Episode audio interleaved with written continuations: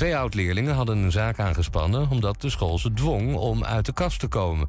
Het was al in 2016. Daarna heeft de school het beleid aangepast. En dan nog het weer van Weer Online. Bewolkt en kans op een bui. Vanavond vooral in de kustregio's. En morgen verandert er weinig. In het oosten en zuiden flink wat zon. En het wordt net als vandaag 15 graden. En tot zover het ANP-nieuws. Thema beveiliging staat voor betrokkenheid, adequate optreden en betrouwbaarheid. Waar de concurrent stopt, gaat thema beveiliging net een stap verder. Thema beveiliging levert alle vormen van beveiliging voor zowel de zakelijke als de particuliere markt. Thema Beveiliging, de beveiligingsorganisatie van het Oosten. Telefoon 053-4800-560 of stuur uw e-mail naar info.themabeveiliging.nl.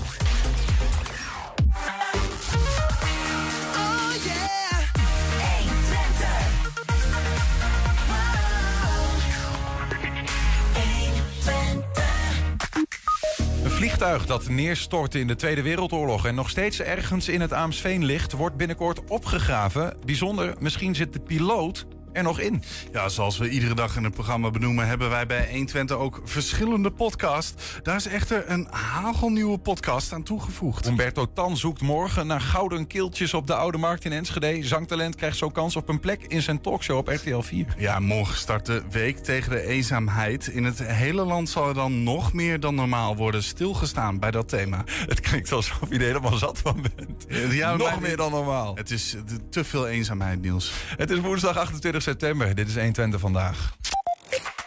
120. 120 vandaag. Begin deze maand publiceerden we een bericht over eh, de snelle bouw van 179 tijdelijke woningen in Enschede. Bedoeld om de woningnood met wat spoed te verlichten. In dat artikel melden we dat de gemiddelde zoektocht naar een sociale huurwoning in de stad volgens de gemeente en woningcorporaties is opgelopen tot bijna één jaar. En daarop reageerden veel Enschedeërs met eh, onbegrip. Ze zoeken al veel langer, zeggen ze. Een van hen is eh, bij ons, Astrid Rikmanspoel. Goedemiddag. Goedemiddag. Waarom reageerde je op ons eh, bericht? Uh, omdat ik vaker eigenlijk lees in de krant en in nieuwsberichten uh, dat mensen binnen een jaar een woning zouden moeten hebben. En ja, ik, ik lees het iedere keer met stijgende verbazing. Omdat de meeste mensen, waaronder ik zelf, toch echt gemiddeld al vijf tot, tot zeven jaar zoeken uh, en nog steeds niks hebben. Ja, want hoe lang zoek je zelf? Ik ben zelf al uh, sinds 2017 aan het zoeken. 2017? Ja. En uh, oké, okay, dat, is, dat is nogal wat. La, la, laten we eerst eens beginnen bij... Waar, waar woon je nu? Ik uh, woon nu in een gezinswoning op het uh, Hoge Land. Dus uh, meester Cornelisstraat. Mm -hmm. Of eigenlijk is het Varvik Diekman.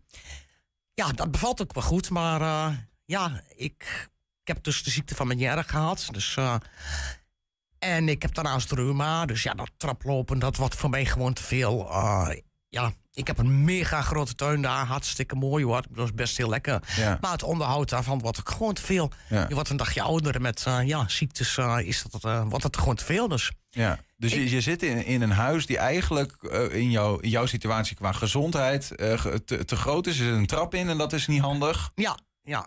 Uh, en ja, je wil eigenlijk naar, naar iets, waar, waar, waar, wil je dan naartoe? Um, ja, ik wil sowieso kleiner. En uh, ja, ik zit eigenlijk door mijn manière kan ik gewoon niet in een lift. Van daar word ik heel duizelig in. Mm -hmm. Dus appartementen met lift, dat valt al af voor mij. Ja. Dat is geen, uh, geen doen. Een apart zonder, appartement zonder lift, dat is natuurlijk met het oog op het reuma niet handig om dat aan te beginnen. Mm -hmm. Dat wordt natuurlijk ook alleen maar erger. Dus over een paar jaar kan ik waarschijnlijk gewoon de trap helemaal niet op. Ja. Dus ja, ik ben eigenlijk op zoek naar een grondgebonden woning. Uh.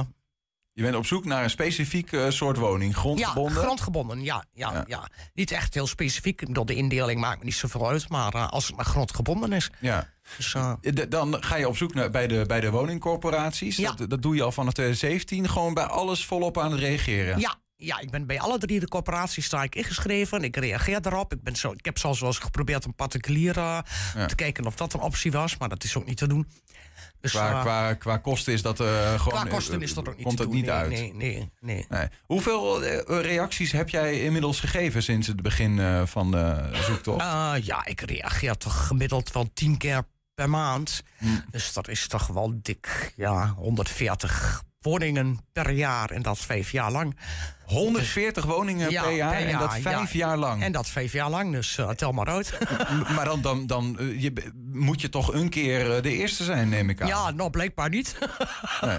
Wat, wat- dat is ook iets waar jij aan stoort, dat, dat lotingssysteem. Dat dat eigenlijk dat het niet eerlijk is, vind je? Nee, nee, ik vind het niet eerlijk. Want ja, er zijn mensen die, die inderdaad ik bedoel, maar drie, drie keer reageren en ze hebben een woning. Ja, anderen zoals ik reageren vijf jaar en na vijf jaar heb je nog niks. Het is toch feitelijk hartstikke oneerlijk als je er goed over nadenkt. Vroeger had je gewoon dat puntensysteem. Dan was de wachttijd eigenlijk voor iedereen ongeveer gelijk. Ja, iedereen moest twee, drie jaar wachten. Maar de wachttijd was voor iedereen ongeveer gelijk. Mhm. Ja. Maar tegenwoordig, ja, als je geluk hebt, dan heb je gewoon echt met, met drie reacties. Ik heb een vriendin die had, die had na drie keer reageren, bij de derde keer reageren had zijn woning. Ja, ja. Terwijl anderen gewoon echt, niet alleen ik, maar ook heel veel gezinnen, die zijn al vijf tot zeven jaar aan het reageren en hebben nog niks. ja.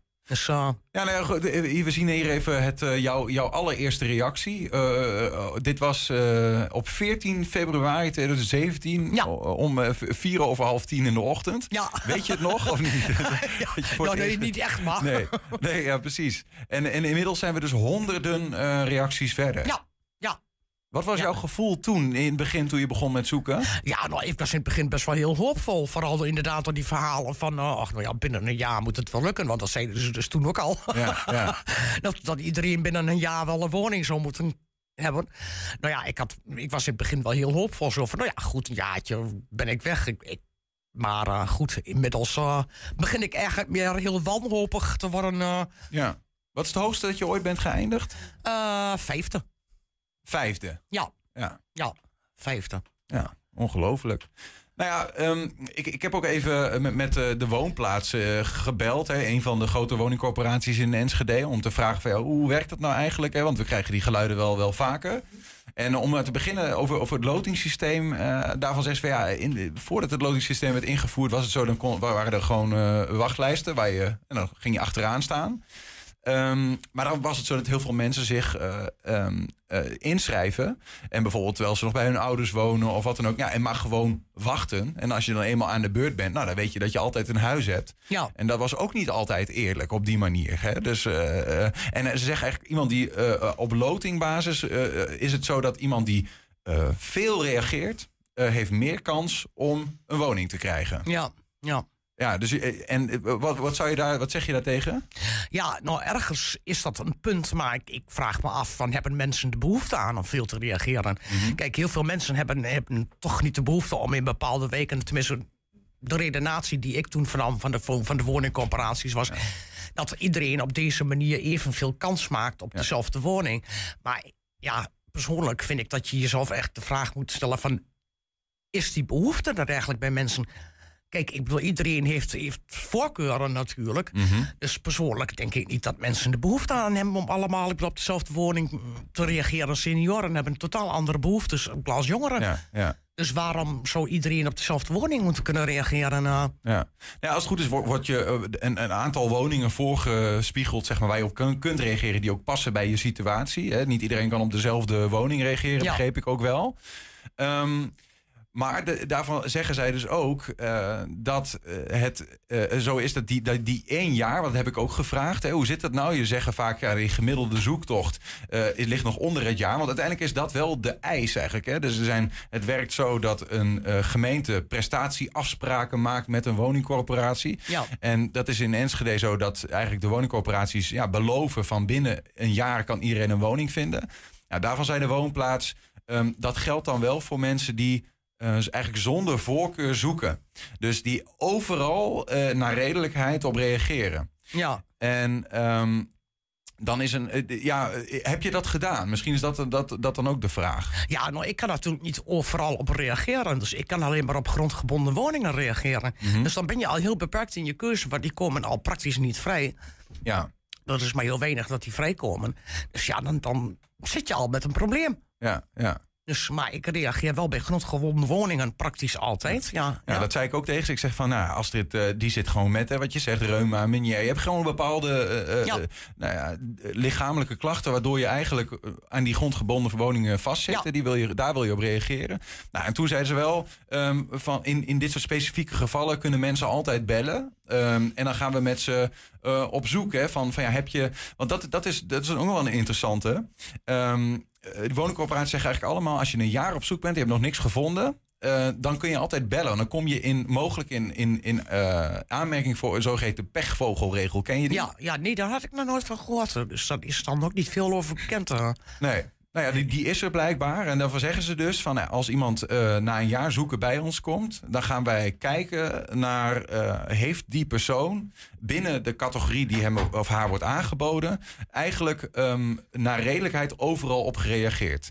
Ja, want vaak zeggen ze, zien ze dan dat mensen bijvoorbeeld een voorkeur hebben voor een bepaalde wijk. Ehm, nou, en die mensen gaan ze niet helpen. En zeggen van ja, we, we gaan alleen mensen helpen die overal op reageren. Ja, Nou ja, in jouw geval, je zegt eigenlijk, wijkvoorkeur heb ik niet, maar wel ja, vanwege mijn gezondheid bepaalde soort woningen. Ja. En dan zouden ze eh, eh, zeggen van nou, dan gaan we in ieder geval kijken van vinden we dat in dit geval Astrid in redelijkheid genoeg heeft gezocht. Ja, ja. Dus ja, dat is toch goed eh, interessant om, om, om mee te geven. Dat, dat er blijkbaar wel een manier is waarop je ja, één op één met de woningcorporatie daarover kunt praten. Ja. Ehm, wat ik ook nog wel interessant vond, wat ze noemden, dat is het principe van woningruil. Ken je die? Ja, ken ik ook. Ja, ik ben ook lid van die groep Woningruil. Dus en daarom verbaast het mij ook om, om ja, te lezen dat mensen binnen een jaar een woning zouden moeten hebben.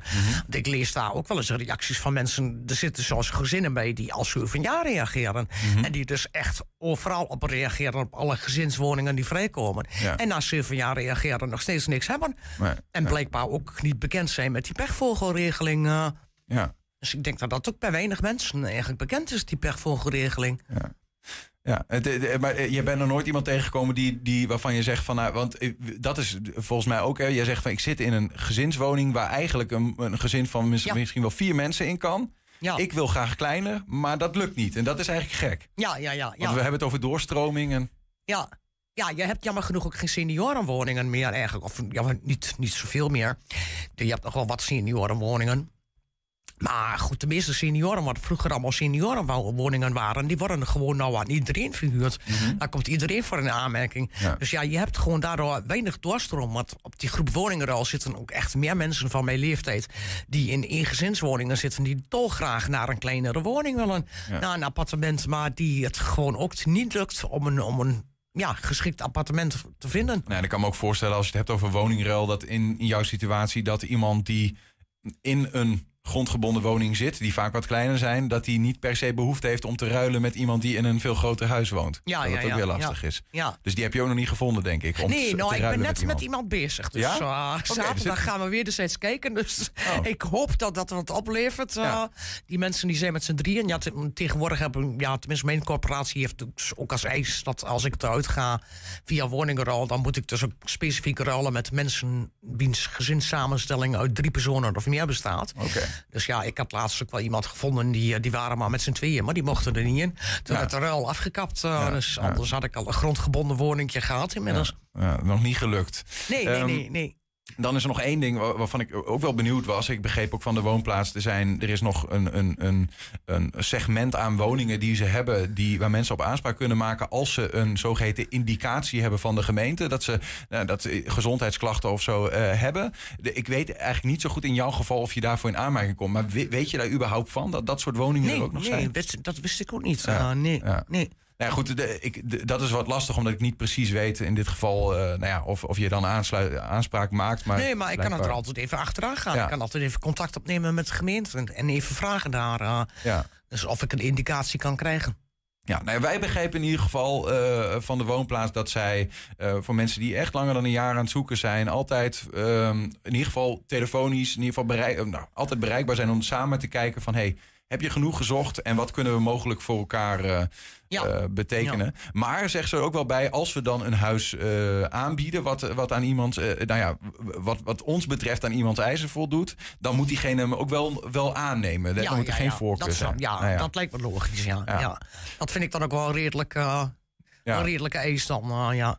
Maar toch interessant eh, even, Astrid, om van jou te horen over jouw eh, situatie. Ehm, en het lijkt me vervelend om eh, inderdaad vijf jaar lang op zoek te zijn. Al helemaal in jouw geval dat je eigenlijk qua gezondheid graag iets anders zou willen. Ehm, eh, ja, ben je de wanhoop eh, nabij of heb je er nog wel... eh, Ja, best wel. Ja, niet, niet constant natuurlijk. Het is niet zo dat je constant zit te wanhopen. Maar er zijn toch wel momenten dat ik zoiets heb van... Goh, gaat dat ooit nog wel lukken? Eh, Dat je echt zoiets hebt van dat ik bijna de neiging krijg om te zeggen van... nou, doe me maar gewoon een caravan ergens. een en dan ga ik daar wel in wonen. Ja, ja, ja. ik snap het. Ja, nee, hopen dat die, dat die woningruil misschien wel wat gaat opleveren waar je nu naar aan het kijken Ja, ja, bent. ik hoop dat dat wat wordt. Ja, dus, en anders even bellen. Ja, wie weet. Ik, ik, kan, ja, ik beloof niks. Ik ben sowieso niet de woningcorporatie. Maar eh, misschien is er wel wat mogelijk. Ja, ja, ja. Nou, ik ga er zeker achteraan. eh, dus, eh, en ik hoop inderdaad dat deze woning er al lukt. Ja. Ja. Dat zijn mensen die, die, ja, die hebben al een klein kindje. En die, ja, die zitten in een klein flatje. eh, of een grondgebonden woningje. Ja, En die... eh, een tweede kindje is op komst, dus die willen wel heel graag naar een die hebben ook gezinswoning. behoefte aan een huis. Nou ja, Ik heb er wel goede hoop op dat dit waarschijnlijk eh, wel dat zal- lukt. heb je twee, hebben we twee blije huishoudens. Ja, dat ja, scheelt. ja, precies. Voor hun is dat toch ook een Precies. uitkomst. eh. Ik bedoel, ik zit gewoon in mijn eentje. Nee, ik heb geen kinderen, geen kleinkinderen. Ik zit hier in mijn eentje gewoon in gezinswoningen bezet te houden. eh. Ja. Dus Dank Astrid voor je verhaal. En Ja, succes. Ja. Astrid Rikmanspoel was bij ons. Zometeen morgen start de week tegen de eenzaamheid. In het hele land zal er dan nog meer dan normaal worden stilgestaan bij dat thema. 120 vandaag. Ergens in een natuurgebied het Aamsveen bij de grens tussen Enschede en Duitsland stortte aan het einde van de Tweede Wereldoorlog een gevechtsvliegtuig van de geallieerden neer. En dat vliegtuig ligt er nog steeds. Twee meter onder de grond. Waar precies? Weten we niet, volgens mij. Maar binnenkort gaat er iets bijzonders gebeuren. Het gevaarte wordt opgegraven, dus iemand weet het wel. En dan komt er ook duidelijkheid in een vraag die nog altijd leeft. Namelijk, zit de piloot er nog in? Nou, verslaggever Janna Oterman die dook eh, in dat verhaal. Janna, welkom. Dankjewel. Dit is toch wel even een bijzonder, eh, bijzonder dingetje. Eh, wat, wat is er precies gebeurd met dit, met dit vliegtuig? Nou, het was eh, eigenlijk net op de valreep van eh, de bevrijding van Enschede. Dus echt, ehm, het, ja, dat, het, de, eh, dat het vliegtuig neerstortte was op 31 maart. En eh, de bevrijding was op 1 april. Dus echt op het nippertje. Ehm, en ehm, het ging eigenlijk zo dat de Duitsers, die, die, die gingen eigenlijk al Nederland uit naar Duitsland dus. Eh, en de geallieerden die wilden de Duitsers dus ehm, ja, net over de grens trekken. Alleen de Duitsers die, die boden nogal weerstand eigenlijk.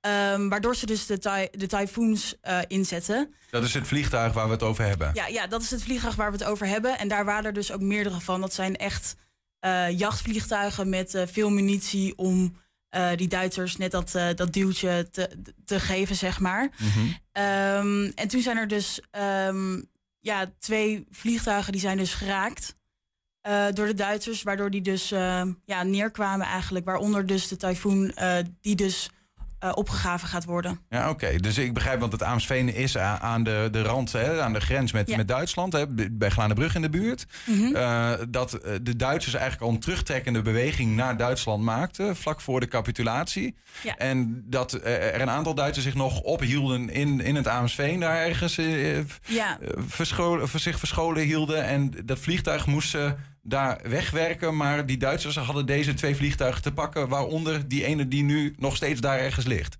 Ja, de Duitsers die eh, hielden zich echt schuil in de beboste gebieden om eh, net nog terug te vechten eigenlijk en de geallieerden tegen te houden. Waardoor dus ehm, de geallieerden dus eh, luchtmacht hebben inges- ingeschakeld. Ja. Ehm, ja, om toch iets, iets sterker te zijn. Ehm, en toen zijn eigenlijk eh, twee vliegtuigen dus, dus geraakt. Mhm. Eh, waaronder het vliegtuig van Ainsley. Alleen Ainsley die kon er nog wel... ehm, ja, die, die is ontsnapt en eh, leeft eruit gekomen. En ehm, het vliegtuig dus van Derek Carter waar het om gaat. En ja, over Derek Carter, zeg maar, over zijn lichaam zijn eigenlijk meerdere theorieën hoe dat nou is precies gebeurd en waar hij zich nu, ja, waar hij dus eigenlijk eh, is geland. Oké, meerdere theorieën. Want ik, ik, ik, ik kan me zo voorstellen dat een vliegtuig wordt neergeschoten. Je zit erin als piloot, vliegtuig raakt de grond, eh, einde verhaal. Eh, maar dat hoeft dus niet per se. Nee, ja, als je als piloot heb je eigenlijk vaak ja, vrijwel altijd een parachute bij zich. En de, de meest waarschijnlijke theorie die er is, is dat hij dus uit het eh, vliegtuig is gesprongen Mhm. eh, en de parachute wilde ehm, ja, ontklappen, zeg maar. Ehm, maar dat dus niet lukte en hij dus is neergevallen. Ehm, en dat is de meest waarschijnlijke theorie, omdat er dus ook ooggetuigen zijn geweest. Die hebben gezien dat het een, licha- een lichaam, dus mogelijk die van Derek Carter, eh, is vervoerd. Alleen daar wordt het verhaal eigenlijk een beetje, ja, loopt het door elkaar heen. Omdat de ene ooggetuige die zegt, eh, het lichaam is naar de Oosterbegraafplaats toen gebracht. En het andere ehm, ooggetuige die zegt dat het naar de Schipholschool is gebracht. Ehm, ja, waardoor er niet per te vertrouwen valt op die verklaringen dus die er zijn afgenomen. Mhm. Ehm, en er dus ook nog de theorie bestaat dat het lichaam zich eh, nog in het vliegtuig bevindt eigenlijk. Omdat het lichaam wat is gevonden ook nooit is geïdentificeerd. Ah, Oké, dus ze hebben wel een lijk gevonden daar eh, in de buurt. We zagen net even dat kaartje. Misschien goed om nog heel even naar voren te halen. Eh, dat is dus gebeurd bij het Aamsveen op het Lappenpad. Het kaartje waar, eh, waarin we re- rechts onderin is dat, hè? Die rode streep die we hier zien. Ja, dat is, Ehm, ja, dat is het lappenpad. En het is, waarschijnlijk is het daar gebeurd. Ehm, ik heb meerdere keren rondgebeld van over de exacte locatie. En dat kon ik eigenlijk nergens eh, heel goed vinden. Maar Mhm. in een bestand van ehm, ehm, ja, soldaten die vermist zijn geraakt, was dus wel, ehm, kwam er dus wel te staan dat het lappenpad is waar hij overleden is. Dus Mhm. daar gaan we tot nu toe van uit dat het daar is gebeurd. Ja, en dan zou dat vliegtuig daar ook ergens in de buurt kunnen liggen. Want het ligt ergens. Ze gaan het opgraven in het Amersveen, maar weten we precies waar? Nee, dat is dus, dat is dus nog niet bekend. Eh, dat, ja, dat willen ze nog niet eh, ja, in de wereld brengen. Nee. Eh, oh, ik weet niet of die al getoond is trouwens. Maar we hebben nog een foto van eh, de arme man eh, waar het over gaat. Dit is een vliegtuig, maar misschien nog even Carter tevoorschijn halen. de ser- De sergeant waar het om gaat. Deze meneer is het, hè? Derek En, en, en dat is dus het bizarre aan dit verhaal. Dat dus een van de theorieën ook is dat hij nog, dat, dat lijk waar, waar je het over had, dat het een andere persoon is. En dat deze meneer nog in dat vliegtuig zit. Ja, want ja, het is gewoon een oorlogsgebied. Dus het kan zijn dat er gewoon andere lijken daar ook ja, hebben gelegen. Ehm, maar het was wel rond die tijd. Dus mensen gingen er dus wel van uit van dat dat dus dat Ja, lijk die is. vermiste piloot, dat hij dat is. Ja, maar nu wordt hij dus opgegraven. Ja. En is het dus, ehm, ja, komen er misschien achter van, ja, misschien was het hem en misschien was het hem niet. Ja. Ehm, dus ja, daar, daar gaan we achter komen. Dat is het spannende daaraan. Ja, precies. Nou, maar, en het brengt mij wel bij de vraag dat ik denk, ja, weet je, hoeveel, hoe lang zijn we verder? Bijna 80 jaar eh, na dato is het. Ja. Ehm, waarom is dat? Dat, is, vind ik- dat vind ik eigenlijk al het meest bizarre, dat het vliegtuig nog ergens daar onder de grond ligt. Ja, klopt inderdaad. Ik, ehm, ik vroeg me dat zelf ook wel af. Ik heb ook eh, rondgebeld naar de ehm, ja, verschillende organisaties. Eh, en eigenlijk heeft niemand mij eh, dat antwoord eh, kunnen vertellen. Dus ik hoop dat dat eh, ook nog komt. Ehm, ja, want ik vraag het me eigenlijk ook af. We zagen net ook een kaartje van, eh, van het vliegtuig zelf, die Typhoon. Hè. Je noemde al even een soort gevechtsvliegtuig, veel munitie aan boord, kon ook schieten dus. Ja, klopt. Ehm, dit waren echt eh, van die vliegtuigen die laag boven de grond eh, vlogen. En eh, ja, dan vuurden eigenlijk om eh, eh, de vijand eh, te raken, zeg maar. Ja. Eh, dus die tyfoons die werden daarvoor, de, daarvoor ingezet. De, de, de meneer op de foto is niet eh, de bewuste piloot in kwestie, denk ik, hè? Nee, ehm, de, nee, eh, de, nee, de piloot dat is ehm, de vorige... Dat is de, de, de piloot die voor eh Derek Carter het eh, vliegtuig bestuurde. Mhm. Eh, zijn naam is Van Zinnik Bergman. Ehm, en het eh, bijzondere daaraan is ook dat Van Zinnik Bergna- Bergman... eh, dat is ehm, een persoon die de, de soldaat van Oranje heeft overgenomen in zijn functie. Dus de soldaat van Oranje, dat is Erik Hazelhoff uh, Roefsema. Mhm. En ehm, hij was dus adju- adjudant van de eh, koningin Wilhelmina. Mhm. En ehm, dus die eh, van Zinnik Bergman heeft hem overgenomen. Oké. En daarna is dat vliegtuig is dus ook eh, naar Derek Carter de, gegaan. Dus daarna werd hij de piloot daarvan. Ja, ja, dus het is, het is een, eh, een vliegtuig met een, een bijzondere voorganger had eh, deze piloot die Ja. er mogelijk nog, nou ja, mogelijk nog in zit. Ehm, dat gaat allemaal duidelijk worden, want eh, dit vliegtuig wordt eh, bijna 80 jaar na dato eindelijk eh, opgegraven. Ja. Eh, Wanneer gaat dat precies gebeuren? Eh, het gaat gebeuren van 10 tot en met, in de week van 10 tot en met eh, 14 oktober. Ehm, en dan eh, ja, wordt hij opgegraven. Ja. Weten we hoe, dat, hoe zoiets gaat en wie dat doet? Of, ja, ik had eigenlijk net voor de uitzending kreeg ik eh, te horen van wie dat nou precies doet. Want dat was eigenlijk ook best wel onduidelijk. Ik werd naar allemaal verschillende organisaties gestuurd. En ja, het was ja, een hopig eh, belletjes, Ja. zeg maar. Maar uiteindelijk zijn we erachter gekomen dat ehm, dus de, eh, de bergings- en identificatiedienst van de Koninklijke Luchtmacht, dat is echt eh, diegene die het leidt.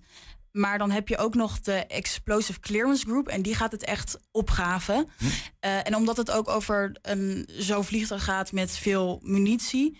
ehm, moet er dus ook nog... ehm, moet dus ook nog de... de opruimingsdienst, ja, de, de, EOD. ja, de explosieve opruimingsdienst Ja. van Defensie eh, nog erbij oh, zijn. dat is nog een gevaar, dat er nog eh, explosieven in zitten eigenlijk. Ergens daar twee meter onder de grond. Ja, ja, want dat Ja. eh, kan goed, Ja. zeg maar. Ja, misschien overvraag ik je hoor, maar, maar hoe bijzonder is het eigenlijk? Hoe vaak gebeurt het dat dit soort vliegtuigen, of dat vliegtuigen worden opgegraven? Weet je dat? Ehm, nou, in de buurt weet ik niet precies hoeveel vliegtuigen er in de afgelopen tijd zijn opgegraven. Nee. Maar het is zeker wel bijzonder van dat een vliegtuig uit de Tweede Wereldoorlog nog steeds onder de grond ligt. En nu ehm, ja, gewoon opgegraven wordt. Zeg maar, Ja. de onderdelen uit de Tweede Wereldoorlog. Ja, dat is gewoon. Ja, dat is gewoon bijzonder, vooral na zo'n zo'n tijd Ja, want dus ik- die ik- ertussen zit. Ik kan me voorstellen dat mensen dan zoiets hebben van, nou, dat wil ik ook, ook komen zien. Maar kan dat? Eh, Wat weten we daarvan? Ja, dus omdat de locatie dus nog een beetje mysterieus blijft, ehm, ja, is het dus nu, nog niet ja, dat, dat mensen er meteen naar kunnen kijken, zeg maar. Maar ik weet bijvoorbeeld wel dat baas Scholt Vaster, die gaat daar wel eh, op 13 oktober ehm, naartoe. Eh, die hebben ook bijvoorbeeld nog lespakketten gekregen over, ehm, ja, over, over de Tweede Wereldoorlog. En, eh, en dat vliegtuig dus. Ja, natuurlijk. Een mooie, mooie aanleiding om wat over de oorlog te weten te komen. Ja, en, en de basisschool zit er ook in de buurt. Dus dat is, ja, spreekt dan nog, steeds, nog, dan nog net iets meer de, aan, zeg maar. Ja, maar goed, of het dus voor, voor brede publiek toegankelijk wordt op een of andere manier, dat moet nog allemaal wel duidelijk eh, worden. Ja. Ehm, eh, de- tot slot dan, Janna, weet jij als dit vliegtuig uiteindelijk uit het veen is getrokken, waar hij naartoe gaat? Eh, ja, dat gaat, hij gaat naar het eh, terrein eh, van Defensie. Dus ik denk dat hij daar de, nog verder wordt onderzocht. Ja, bijzonder zeg, bijzonder verhaal. Dankjewel voor de uitleg en eh, we blijven het volgen. Dank je Janna. Automan. Ja, we zijn ook als podcast te luisteren via alle bekende platforms. Je vindt daar de hele uitzendingen. En elke dag één item uitgelicht. Ja, dan nog, iets over een podcast. We Ja. hebben een nieuwe. Hè? Oh, Ernst Bergboer komt met De Berg Spreekt, maar daarover straks meer. 120 vandaag. Morgen dan eh, start de week tegen eenzaamheid. In het hele land zal er dan eh, nog meer dan normaal worden stilgestaan bij dat thema. Sociaal werkorganisatie Wijkkracht is in de Hengeloze wijken actief om eh, eenzaamheid tegen te gaan. Maar ziet dat het best lastig kan zijn om de eenzame medemens te bereiken. Bij ons aangeschoven is Nihal Ertens, is sociaal makelaar en aandachtsfunctionaris eenzaamheid bij Wijkkracht. Een mooie titel. Goedemiddag Nihal. Goedemiddag. Dat is een bijzondere titel, hè? aandachtsfunctionaris eenzaamheid. Eh, maar wat, eh, wat betekent het eigenlijk precies? Wat doe je? Ehm, wat ik doe is aandacht vragen voor het begrip eenzaamheid. Ehm, met name in de wijken Mhm. eh, van Hengelo. Ehm, met name signaleren van de eenzame mensen. Want wat we merken is nog steeds... eenzaamheid is nog steeds taboe. Ja, taboe. Er wordt niet over gesproken als je het, als je het hebt. Als je er mee te maken hebt. Ja, veel niet. Dus Nee. wij benoemen het ook niet eh, onder de mensen als eh, ik ben eenzaam. Ehm, we hebben het gewoon over de kenmerken. Want misschien is het, dat, dat is misschien wel goed. Want eenzaamheid, eh, waar hebben we het eigenlijk over? Is het een situatie of is het een gevoel wat iemand heeft? Het kan een situatie zijn, het kan ook een gevoel zijn. Uh, want we hebben bijvoorbeeld, uh, te we kunnen te maken hebben met sociaal eenzaamheid. Mhm. Dan kan het zijn dat iemand bijvoorbeeld um, weinig mensen om zich heen heeft. Uh, maar we kunnen het ook hebben over fundame fundamentele eenzaamheid. Dan hebben we het, praten we meer over de existentiële eenzaamheid. Mhm. Um, en dan hebben we het meer over um, mensen die iemand kwijt zijn geraakt, over de sterfelijkheid, mensen die de zingeving kwijt zijn. Ja. Uh, en dan krijg je te maken met andere uh, vormen van eenzaamheid. En dat vraagt meer maatwerk. Ja, precies. Want dat, dat levert ook, denk ik, een andere behoefte aan eventuele oplossingen Ja. op. Ja. Want je hoort wel eens mensen zeggen, eh, ja, echt eenzaam ben je als je zeg maar je nog steeds eenzaam voelt terwijl je in een groep met mensen bent. Hè? Ja. Dan wordt het echt een probleem. Ja, ja, wij kunnen dus ook niet zomaar kijken als wij iemand hebben die zegt van goh, eh, hè, eh, ik heb behoefte aan een activiteit of wat dan ook, of ik zit hiermee. Ehm, en wij zouden niet goed doorvragen en wij zeggen, oh, ehm, ik denk dat jij wel naar activiteit X kunt. Ehm, kan het ook zijn dat die persoon nog eenzamer wordt. Hm. Uh, dus we moeten ook heel goed doorvragen, wat is nou echt de kern van de vraag van die persoon? Ja. Uh, want we komen ook heel vaak tegen dat iemand eigenlijk um, wel eenzaam is, maar eigenlijk met veel diepere vragen zit. Uh, zo was ik laatst een vrouw tegengekomen die uit een behoorlijk moeilijke situatie kwam. En waarbij de vraag was van, um, ik heb wel weinig mensen om mij heen. Maar mijn vraag is niet zozeer deelnemen aan activiteit, maar ik wil mijzelf ontwikkelen. Ik wil mijzelf hervinden.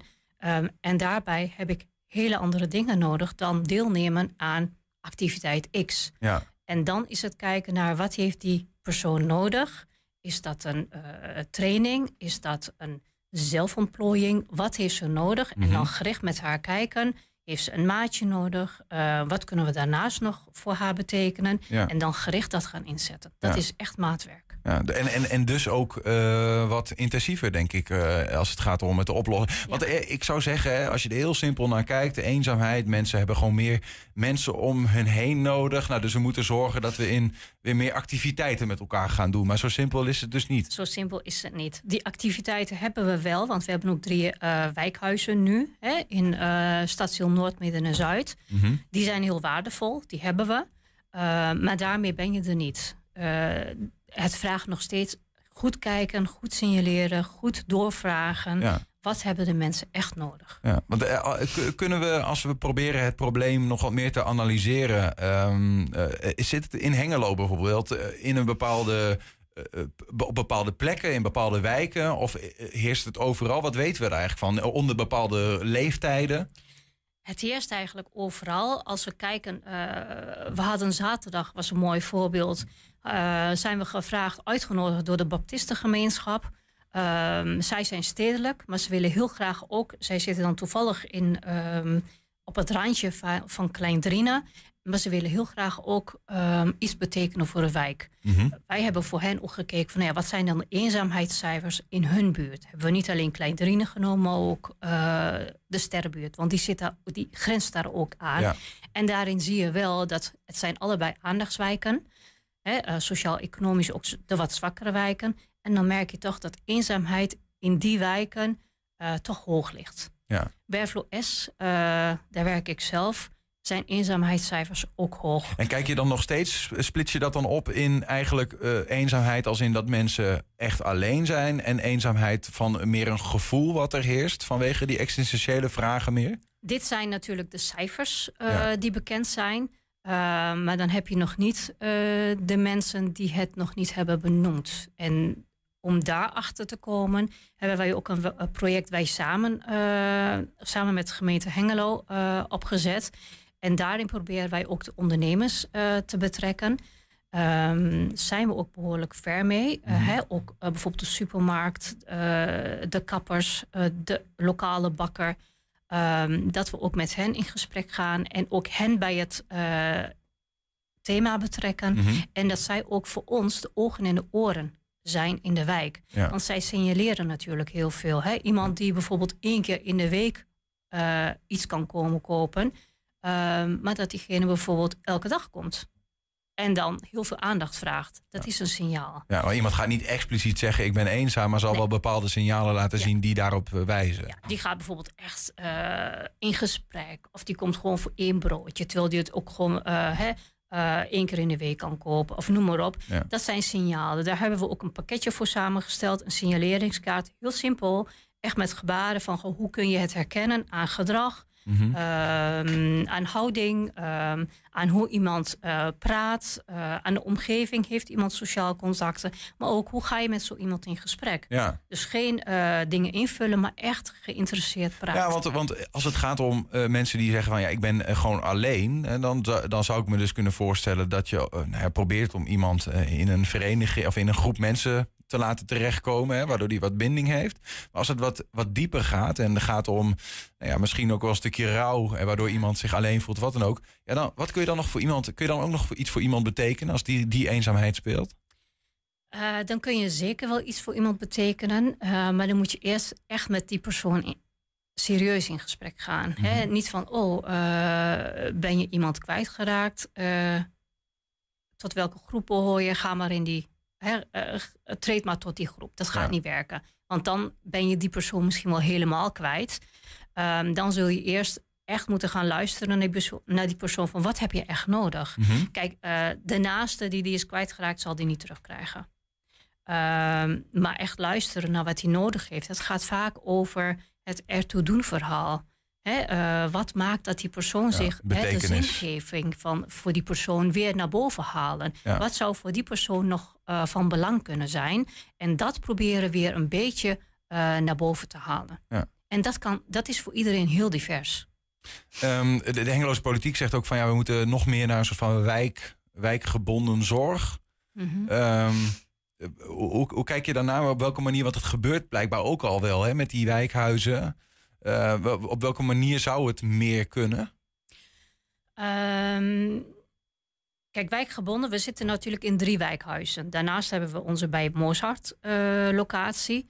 Eh, wat we ook nog meer doen, is wij zijn ook ehm, aanwezig in de wijkcentra Mhm. die er zijn. En daarin ehm, proberen wij samen met onze collega's te kijken naar de bewoners die bij ons komen. die bijvoorbeeld wat hebben meegemaakt om te kijken wat zijn hun kwaliteiten. Uh, wat zouden ze zelf kunnen inzetten? Uh, en om dat verder te ontwikkelen. Ja. Om dat te proberen inzetten. Dat is ook een stukje zingeving wat we ze teruggeven. Um, zo hebben we bijvoorbeeld um, in de Berflo S, is een wijkcentrum, um, of de MFA, het Berflo, zijn we gekomen tot een zevental activiteiten. Niet door ons ontplooid, maar puur door wijkbewoners ontplooid. Ja. Uh, zo hebben we een schaakactiviteit, een creatieve activiteit, een naai- en breiactiviteit. Het zijn allemaal wijkbewoners die dat zelf hebben ontplooid. Wij hebben ze wel ondersteund, maar wij blijven op de ja. achtergrond. Maar goed, dan, dan, dan heb je de mensen al gevonden. Hè? En, en, en, en sommige mensen komen dus heel expliciet naar die wijkcentra toe of naar die wijkhuizen. Maar ja, je vindt, je zegt maar ook dit al. zijn geen mensen die expliciet naar die wijkcentra zijn gekomen. Dit zijn eigenlijk cliënten die bij mijn collega's van het maatschappelijk werk binnen zijn gekomen. Die hadden bijvoorbeeld een bepaald probleem. En vaak merk je dat dat ook raakvlakken heeft met een soort van eenzaamheid. Ja, ja. We noemen ze niet. En als dat probleem bijvoorbeeld uh, is opgelost of opgelost wordt, dan kunnen wij gaan kijken naar: oké, okay, wat zijn kwaliteiten die jij zou kunnen inzetten of waar jij iets mee zou kunnen doen. Ja, ja. En dan merken we dat mensen gaan opbloeien. Ze van, oh, ik kan nog wat betekenen voor de maatschappij. Ja. Um, en als we die te pakken kunnen krijgen, Um, en we kijken naar wat zijn behoeften van de wijk. Want wat we nu weten, hè, financiële situatie gaat steeds verder achteruit. Um, mensen gaan nu steeds meer weer hè, de eigen broek weer opnieuw naaien. Uh, noem maar op. En vaak zijn het mensen die denken van ja, maar ik weet niet meer hoe ik het moet doen. Nou, dan is zo'n uh, naai- en uh, breiactiviteit heel mooi. Ja. Als we daar iemand voor kunnen vinden die dat kan doen. De dame die we hebben gevonden die dat wil doen, beheerst niet zo heel goed de Nederlandse taal. Zij wil heel graag haar kwaliteiten overbrengen, hmm. maar zij wil heel graag de Nederlandse les leren. Of de Nederlandse taal leren. Nou, hoe gaaf is dat? Heb je een win-win. Ja, ja. Dus op die manier proberen wij dat dan aan elkaar te verbinden. Um, naast daar natuurlijk ja. ook mensen neer te zetten die haar dan ook kunnen ondersteunen in de Nederlandse taal. Zodat we dat ook met elkaar kunnen verbinden. Je had het net ook over eh, hoe je probeert om eigenlijk met ondernemers, bijvoorbeeld de lokale bakker, eh, Ja. eh, af te spreken van ja, je ziet ook veel mensen. stel dat je iemand ziet die waarvan je, je probeert hem wat te leren om te letten op signalen van eenzaamheid. Ja. Wat, wat, wat, gebeurt er dan? Ik kan me ook voorstellen dat iemand bij, die bij die bakker komt en dat inderdaad zo ervaart. eh, en de- je komt bij die personen en, en je stelt de vraag: eh, joh, ben je eenzaam? Dat het ook wel ingewikkeld is. Wat, wat doe je met die personen? Ja, ze vragen dus niet direct van, oh, ben je eenzaam? Want dat zal niet werken. Ehm, kijk, zij kunnen een gesprek aangaan. Als ze het eng vinden, kunnen ze ook... eh, wij hebben een setje met ansichtkaarten. Daar staat het woordje eenzaamheid niet op benoemd. Ik heb ze nu niet bij me, maar ehm, die kunnen ze gewoon gratis bij ons opvragen. En daar staat bijvoorbeeld op eh, samen muziek maken, samen een kopje koffie drinken. En die leggen we dan op de toonbank. Die kunnen mensen gewoon meenemen. Achterop staan de gegevens van Wijkracht. ja, ja. ja. Komen ze bij ons binnen, kunnen wij met ze in En gesprek. zo kun Wij je op kijken maat kijken, wat heb je eigenlijk nodig? Ja, mooi Dus, hoor. Ja. En, en we hebben ook op onze website een, eh, een soort eh, stempeltje waar ze ook hun gegevens op kunnen achterlaten. Eh zowel AVG-proef, dus daar hebben we wel heel goed naar gekeken. Dus ik ga, ik ga, ik ga niet mijn eh, buurvrouw opgeven, want Nee. volgens mij is die eenzaam. Nee. Dat, dat doen we niet. Nee. Ehm, je, staat dicht bij het vuur, wat dat betreft. We horen eh, eenzaamheid sinds corona eh, toegenomen. Ehm, eh, is dat ook zo? Wat, wat zien we gebeuren eigenlijk? Nou, toegenomen, wat we horen is, ik hoorde het laatst ook op het journaal, eh, met name onder eh, de jonge meiden, de tieners, eh, is het toegenomen ehm, dat zij zich veel eenzamer en depressiever voelen. Ehm, ik denk dat het altijd al aanwezig was, maar dat het nu veel meer naar boven komt. Ja. Wat we merken is dat het onder jongeren, onder kinderen, maar ook onder de doorsnee volwassenen, maar ook onder ouderen, ik kom het overal tegen. Ik werk als sociaal makelaar in de wijk. Ehm, ik werk daar van jong tot oud met iedereen. De mensen die het meest tussen de mensen werken, waarvan ik nooit zou verwachten dat die eenzaam zouden zijn. Als ik daar een beetje een relatie mee opbouw en ik ga daarmee in gesprek, daarmee merk ik, wow, die is eenzaam. Ja, ja. En dan kom je erachter en als je daarmee in gesprek gaat, dan merk je van, oké, jij hebt iets heel anders nodig. Ja. En die vrijwilligerswerk of wat dan ook, is eigenlijk een toevlucht, omdat ze verder helemaal niks hebben. Ja. Lukt het wat jullie doen? Zie je, eh, hoor je van mensen terug? Eh, je, hebt me, je hebt me geholpen. Ik ben. Ik hoor het terug en ik hoor zelfs, oh, maar dit zou ook heel gaaf zijn voor mijn buurvrouw of buurman. Eh, ik geef zelf ook trainingen, hè, gericht op de toekomst. Of, eh, die geef ik zelf niet, maar die ga ik geven. Puur omdat ik ook hoor uit de wijk van, geef jij die training? Als ik zeg, nee, doe het mijn collega of dat hè, doet die en die. Ja. Oh, maar als jij hem zou geven, zou ik mee willen doen. Dat is puur die band die je opbouwt met die mensen. Dat ze denken van, als jij het doet, zou ik durven meedoen. Ja. Dus je ziet wel dat het. eh, Je ziet gewoon dat het nodig is. Je ziet dat je die band moet opbouwen. Dat is niet van vandaag op morgen, maar het is wel heel erg belangrijk dat het er is, dat je een eh, bekend gezicht bent in de wijk en dat mensen naar je toe durven komen. Ja. Tot slot dan, Nihal. eh, eh, m- morgen begint de Week van de Eenzaamheid. Eh, dat is ook de aanleiding dat je hier nu zit. Eh, gaat Wijkracht nog bepaalde activiteiten doen eh, komende week in dat opzicht? Ja, we hebben natuurlijk eh, binnen onze eh, wijkhuizen hebben we allerlei activiteiten eh, die, van, eh, die nog meer aandacht gaan besteden aan de week tegen eenzaamheid. We hebben een, eh, even kijken, een inloopavond van een kleine vriendenkring eh, bij ons bij Mozart. Eh, we hebben in MFA hebben we eh, activiteiten die bewoners hebben opgezet. Eh, die gaan allemaal van start. Vrijdag beginnen de eerste al.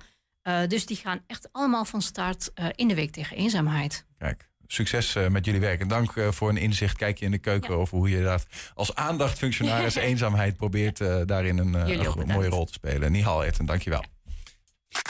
Umberto Tan zoekt morgen naar gouden kieltjes op de Oude Markt in Enschede. Zangtalenten krijgen zo kans op een plek in zijn talkshow. Hoe het werkt, dat vragen we de man zelf. 120 vandaag.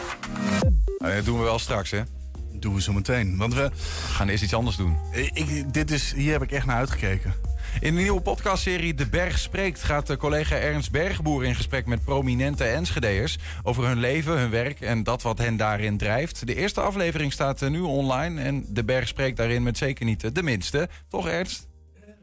Ik in ieder geval niet. de eerste aflevering is een gesprek met Peter Paul Verbeek. Nu nog techniekfilosoof aan de Universiteit van Twente. Maar per 1 oktober rector magnificus van de grootste universiteit dus, over van morgen, Nederland. Over voor drie dagen, dan, dan begint hij. Ja, ja, dus Zaterdag. Is, morgenavond een afscheidssymposium. Nou, de man heeft meer dan 30 jaar, even uit mijn hoofd 32 geloof ik, is verbonden geweest aan de Universiteit van Twente. En ja, nu die, die post aan de UvA. Dus het is echt een wetenschapper van allure, van statuur. Iemand die uh, veel nadenkt, met name over de verbinding techniek en filosofie. Uh, en daar baanbrekende nou ja, boeken over heeft geschreven en een baanbrekende mening over heeft. Dus ik heb uitgebreid met hem gesproken. Ja, uh, rector Magnificus, volgens mij sprak ik er doorheen, maar de, hij, is de, de, hij wordt de wetenschappelijk leider van de grootste universiteit van Nederland. Hè? Universiteit van Amsterdam. Ja. ja. Um, straks een stukje uh, luisteren van die, uh, van die podcast en ook kijken, want daar was, is ook beeld bij. Um, maar misschien om het eerst nog even wat breder te trekken. Jij hebt inmiddels ook al een andere opgenomen. Die staat nog niet online, maar dan weten we dat alvast. Van, dat is een gesprek met Arnold Odding. Die neemt afscheid van uh, nou ja, het Rijksmuseum iets verderop. Is dat de rode draad? Mensen die afscheid nemen van hun uh, functies? Of? Nee, dat was eigenlijk toeval. Deze beide mannen namen afscheid inderdaad. Ja, en dit zijn eigenlijk allebei mannen die in hun werkveld echt iets te zeggen hebben. Een, een, een verhaal hebben. Dus dat wilde ik heel graag uh, horen. En ik wilde, het, ik het daar met ze over hebben. Mm -hmm. um, uh, en dat, is, dat zijn gefilmde gesprekken geworden. Die we eerder in deze zomer, in augustus geloof ik, dat die al gepubliceerd hebben. Maar daar hebben we dus nu een podcast van gemaakt. En eigenlijk kwam zo het idee van, we doen dit wel vaker. Wat langere gesprekken met mensen die iets te vertellen hebben. En een podcast is natuurlijk een fantastische manier om die verhalen tot je te nemen. In plaats van uh, aan een beeld kluis, of een, een beeldscherm gekluisterd te zitten. Ik kan zelf ook beter luisteren, heb ik vaak hoor. Als ik gewoon aan het luisteren ben in plaats van ook aan het kijken. Dat hebben veel mensen. Ja. En uh, dan kan je nog even een afwasje doen of in de auto of weet je, gewoon dat soort plekken. Dus we dachten, we willen deze gesprekken graag ook beschikbaar maken op een andere manier. Dus vandaar een podcast. En toen dachten we, ja, weet je, daar moeten we gewoon een serie van maken. Want dit doen we vaker. Is ook belangrijk dat we dit doen, vinden wij, vind ik. um, dus laten we daar een podcast van maken. En dat is eigenlijk het begin geweest. Dus afscheid is niet het thema. Nee. Het, het kan echt van alles en nog wat zijn. Maar het gaat wel over de lange gesprekken over thema's die misschien ook wel wat meer verdieping verdienen. Ja, en over uh, met, met, met specifieke personen die een bepaalde rol hebben uh, of hebben gehad. Uh, ja, weet je, de, want je kan het dan afbaken en zeggen dat moeten bekende tukkers zijn. En misschien kan het ook een onbekende tukker zijn die niemand kent, maar die wel echt een, een, een, een, een verhaal heeft over iets waar hij verstand van heeft, bijvoorbeeld, of waar hij mee bezig is in zijn leven. Um, dat de moeite waard is om gehoord te worden. Dat, en de, daar gaat het eigenlijk over. Wat is je bijgebleven van het gesprek met Peter Paul Verbeek? Waar we zo een stukje van gaan zien? Nou, de, ik vind het een bevlogen wetenschapper. Uh, hij heeft zich natuurlijk vooral begeven op het gebied van filosofie en techniek. Maar het is een man met een hele uh, brede kijk op wetenschap het algemeen. Wordt natuurlijk niet voor niks rector magnificus van de grootste universiteit van Nederland. En nou ja, wetenschap, um, laat ik het anders zeggen. We, doen tegenwoordig heel veel op ons gevoel. En de wetenschap heeft, waar het vroeger de naam had, de wetenschappers weten het. Uh, wordt daar inmiddels nu volop aan getwijfeld. En nou ja, dat maatschappelijk debat, zeg maar, van wat moeten we nou met die wetenschappers en moeten we daarnaar kijken en hoe moeten we met wetenschap omgaan? Uh, neem de COVID-discussie, weet je, alles wat daarmee samenhangt. Mm -hmm. uh, dat, wordt, dat, weet je, dat wordt een soundbites en gevoelen. En, maar de, de, ik was heel nieuwsgierig naar zijn mening over de plek van wetenschap in de samenleving. Mm -hmm. um, en dat is me vooral bijgebleven, is dat dat ook wel een soort zoektocht is hè, van de, ja, de ivoren toren waar vroeger die wetenschappers in zaten, net als de dominees daarvoor, die ons wel vertelden hoe het moest. Nou, die, die wetenschap moet de verbinding met de maatschappij beter gaan leggen. Ja. Um, maar dat betekent, dat is een appel aan wetenschappers, hè, van die, de, de, een beetje uit die ivoren toren. Maar het is ook een appel aan de samenleving. Van hey, neem dan de tijd om naar die wetenschappers te luisteren. En leer um, uh, wetenschap te waarderen op, op de manier waarop het gewaardeerd moet worden. Er kan discussie over zijn en daar kan je over praten. Maar, maar, maar niet vanuit een onderbuik, maar vanuit inhoud. We gaan een stukje luisteren uh, om een beeld te krijgen. Hè. We, we, we, zeggen bij deze alvast, hè, dit, wat we nu dus gaan zien, is een stukje van iets wat uh, langer is en wat al online staat. Maar misschien voordat we gaan luisteren en kijken, waar, waar, waar, waar moeten we op letten? Wat gaan we horen? Uh, dit, is gewoon, dit, dit, zijn, dit zijn een paar soundbites uit dat lange gesprek. Ja.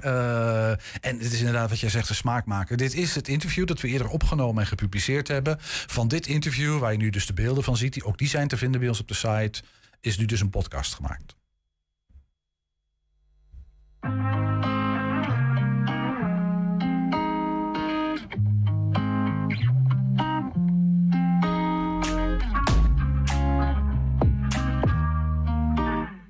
We zitten hier uh, Universiteit Twente in het Design Lab voor een goed gesprek met Peter Paul Verbeek.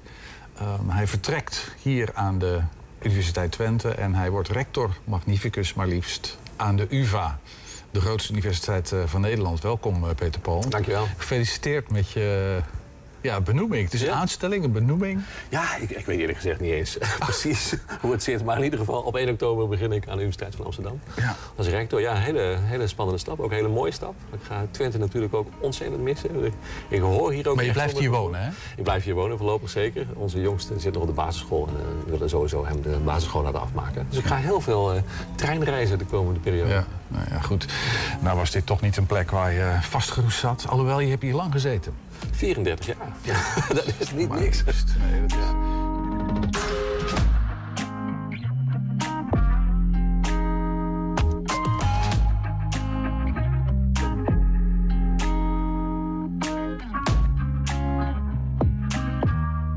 Waar, is dat kwartje gevallen? Dat je zegt van oké, we, we, kijken te conservatief en te angstig naar techniek. Ja, ik denk anders dat, dat, dat, die twee harten in mij klopten. Dat ingenieurshart was er ook. En niet alleen maar het filosofiehart. zeg maar, het, het beta-hart en het alfa-hart mm -hmm. klopten allebei even hard. en dan denk je, ja, uh, je kunt wel van een grote afstand als filosoof de techniek gaan bespreken. En allerlei uitspraken doen over de techniek. Maar je moet gewoon beter kijken. En dat hoort ook bij filosofie. Gewoon goed kijken, wat speelt er nou echt? En dat kan ook juist aan zo'n technische universiteit. Waar je dus voortdurend met mensen zit hè, die misschien vanuit de ivoren toren van de filosofie... als je nooit praten met een, een ingenieur heel ver weg zijn. Maar hier voel je van binnenuit dat, dat mensen wel degelijk bezig zijn met maatschappelijke vragen. Je zegt hier, maar het is ook eigenlijk letterlijk hier, Design Lab. En, ja, waar al die vraagstukken bij elkaar komen. Ja, dat, dat was het toen nog niet. Nee, dat begrijp ik. Maar, dat, dat is vanuit die visie ontstaan, toch? Ja, dat is ook precies waarom ik naar de UT ben gegaan. Waarom ik in de tijd koos voor die opleiding. De UT is echt de plek waar uh, techniek en samenleving samengaan. Het, het heette ooit dan een universiteit voor technische en maatschappijwetenschappen. Toen werd het een tijdje de ondernemende universiteit en high-tech human touch. En allerlei manieren om dat aan, te duiden. Ondernemen hoeft voor mij niet per se zo overigens. Maar het, als, als het uitdrukt dat het over de maatschappelijke context gaat, vind ik het ook mooi. Ja. Ik denk dat dat is echt het DNA van de Universiteit Twente.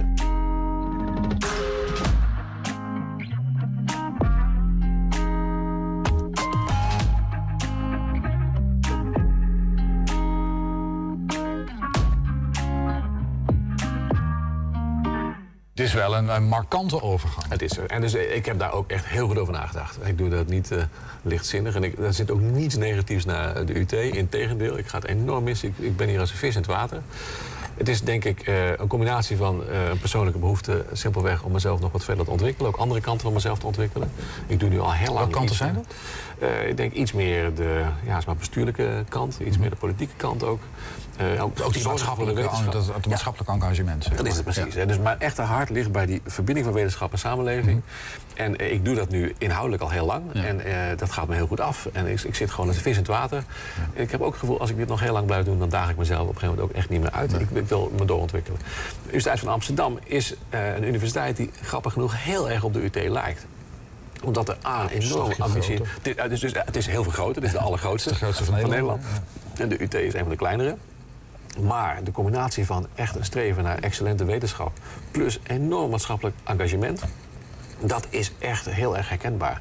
Dus hoe meer ik me ging verdiepen in de, in, in de Universiteit van Amsterdam... toen ze me vroegen om, uh, of ik wilde solliciteren... Uh, waarvan ik afhankelijk een beetje aarzelend was... dacht ik, wow, dit is toch wel ongelooflijk gaaf.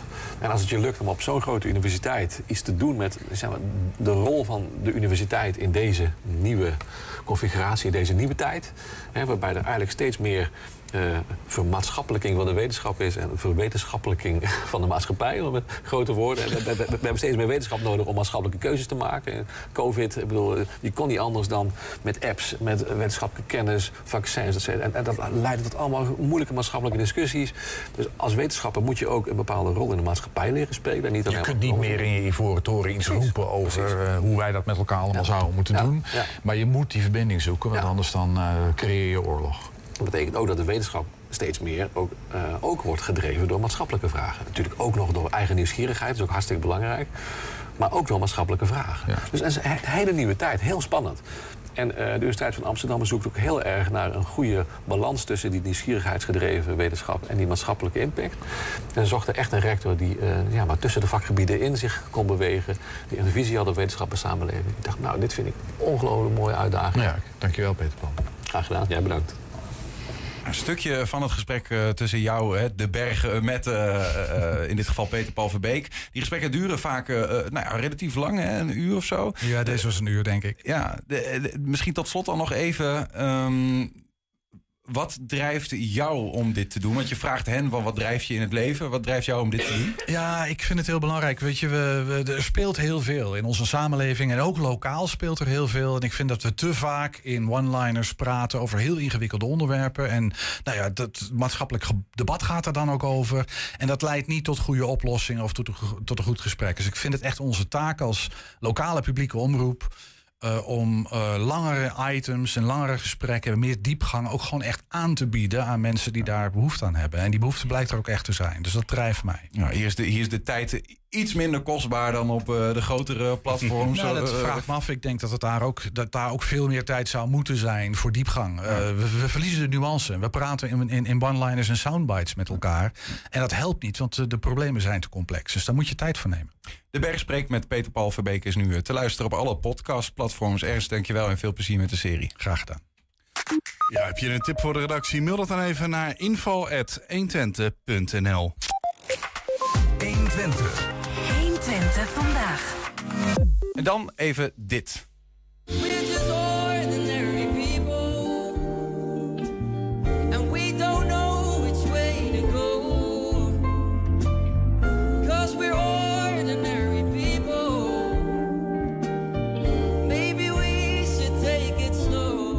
Ja, dat is uh, Jordi Geluk. Hij was ruim twee weken geleden de eerste winnaar van Umberto Unplugged. De nieuwe talentenjacht in de weekend talkshow van Umberto Tan op RTL 4. Nou, waarom laten we dat nou zien? Jij kunt de volgende winnaar zijn. Aanstaande donderdag, morgen dus, staat er een uh, auditiemicrofoon op de Oude Markt in Enschede. Als je meedoet, sta je misschien volgende week zaterdag wel live in het programma van de man die we nu aan de lijn hebben. Umberto, goedemiddag. Goedemiddag. Uh, wat dachten jullie daar aan de grenzen? Lopen vast nog wel wat verborgen parels rond?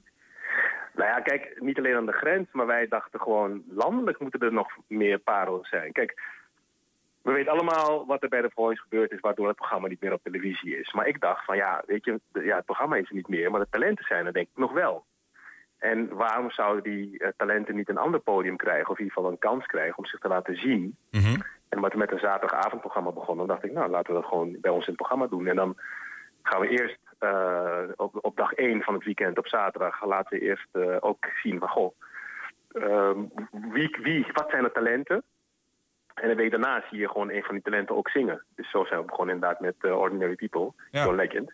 En elke week hebben we, hebben een talent. We hebben er nu al drie gehad. Uh, ja, de vierde komt eraan. Ja, en, de, en, en, en, en, dus dat betekent dat dus morgen staat er uh, in Enschede een, uh, staat er, staat er een microfoon aankomende ja, morgen staat er letterlijk een microfoon met een rode plopkap. Ja. Uh, het is a cappella, dus je gaat gewoon zingen. Maakt niet uit of je... Ja, je moet wel minimaal 16 zijn, dat is wel een vereiste. Maar voor de rest wat voor stijl je zingt maakt niet uit. Uh, je komt gewoon zingen. Pas op, hè, dan krijg je heel veel slagers, hè, Humberto, hier in Enschede. Allemaal, nee, maar iedereen mag komen. Maar dat meen ik. Als je, als je een goede slager bent, dan mag je, mag je komen. Ja. Als, je, als jij maar kan zingen. En uiteindelijk kiest een gast in de studio... Uh, vaak is het een muzikale gast. En aanstaande zaterdag uh, wat hebben we direct... nou, die kiezen dan van, oké, okay, die vinden wij... Die, vinden, die willen we graag live zien spelen. Want het mooie is, je gaat dus a cappella voor de microfoon staan... in Enschede op de Oude Markt. En als je winnaar bent, dan speel je de week daarna op zaterdagavond met een live band het stuk wat je gezongen hebt. Dus als je morgen daar staat, dan heb je kans ja, dat je, je komend weekend in de uitzending zit? En je wordt gekozen, dan speel je een week later ben je op televisie live op RTL 4. Ah, Doe maar. En, en die, iedereen mag komen, genre iedereen. maakt niet uit. Uh, en je gewoon lekker a cappella voor die, uh, voor die microfoon. Vanaf, vanaf ja. 12 uur kan dat. Tot wanneer is het eigenlijk? Dat weten we eigenlijk nog niet het, precies. Het is tussen 12 en 3 op de Oude Markt. Dus we staan drie uur lang. Uh, kan je gewoon blijven zingen. En onze bodiel die staat daar met de microfoon. En dan kan je gewoon gaan. En dan, uh, ja, je hoeft geen afspraak te maken of je gaat gewoon vanaf ja. 12 uur. Zijn er ook al camera's bij dan, aankomende uh, Daar zijn ook camera's bij, ja. Want uiteindelijk wordt er een eerste selectie gemaakt van al die mensen die auditie doen. En een stuk of vijf daarvan, misschien zes, hangt er vanaf hoeveel er goed zijn. Die komen dan in de uitzending. En een van de mensen die in de uitzending komen, die wordt uiteindelijk ook degene die we uitkiezen om live met de Jimmy's te komen zingen in, eh, in de studio. We vroegen ons af, Umberto, zou je zelf hebben meegedaan aan zo'n uh, Ik kan absoluut niet. ah, Nou ja, ik, ik had wel meegedaan misschien, maar ik was zeker niet uitgekozen. nou ja, wij herinneren ons namelijk eh, een klein stukje. Dat je, dat je hebt een aadige kopstem in huis. Heel even luisteren naar een klein Oh. stukje Umberto samen met Gordon. Oké.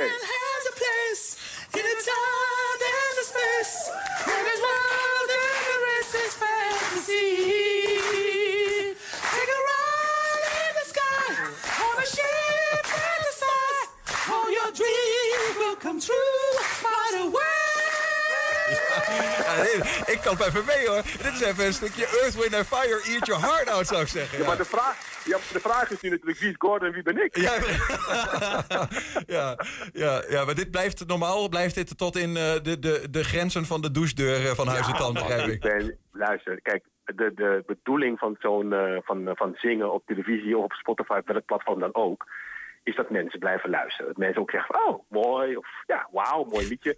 Bij mij weet ik zeker dat ze heel kort luisteren en heel snel wegrennen.